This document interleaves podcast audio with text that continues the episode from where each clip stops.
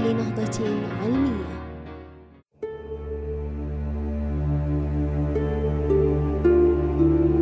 في ستينيات القرن الماضي أراد هانز كورن هامبر وزميله لورد ديك دراسة العلاقة بين إرادة الإنسان وأفعاله ومعرفة إن كان الإنسان يقوم بتلك الأفعال باختياره أم أنها مبرمجة ولا علاقة له بها.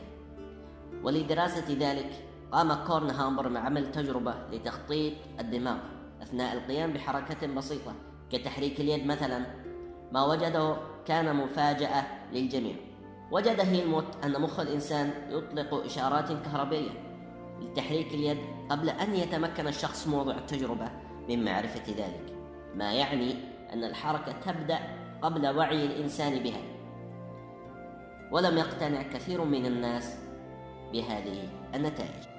بعد حوالي عشرون سنة تمكن بنجامين ليبت من حساب الوقت المستغرق ما بين ظهور التغيرات التي تشير إلى حركة اليد على تخطيط الدماغ ووعي المشاركين بحدوث الحركة.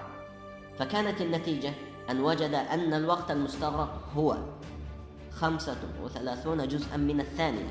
استنتج ليبت أن الإنسان لا خيار له في بدء الحركة لكن من الممكن أن يوقفها بعد ذلك باختيار.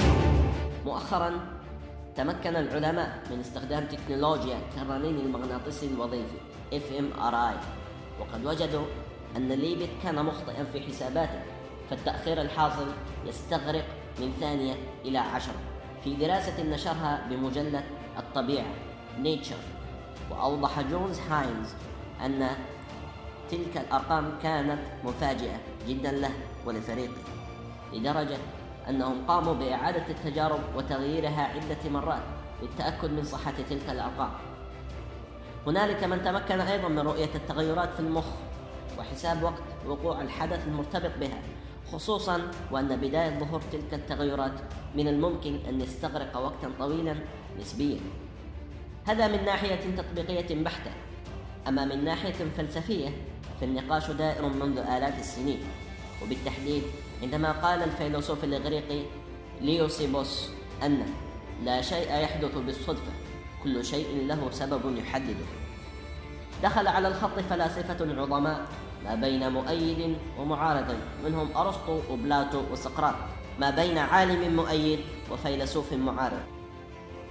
ما زال النقاش محتدما حتى يومنا هذا.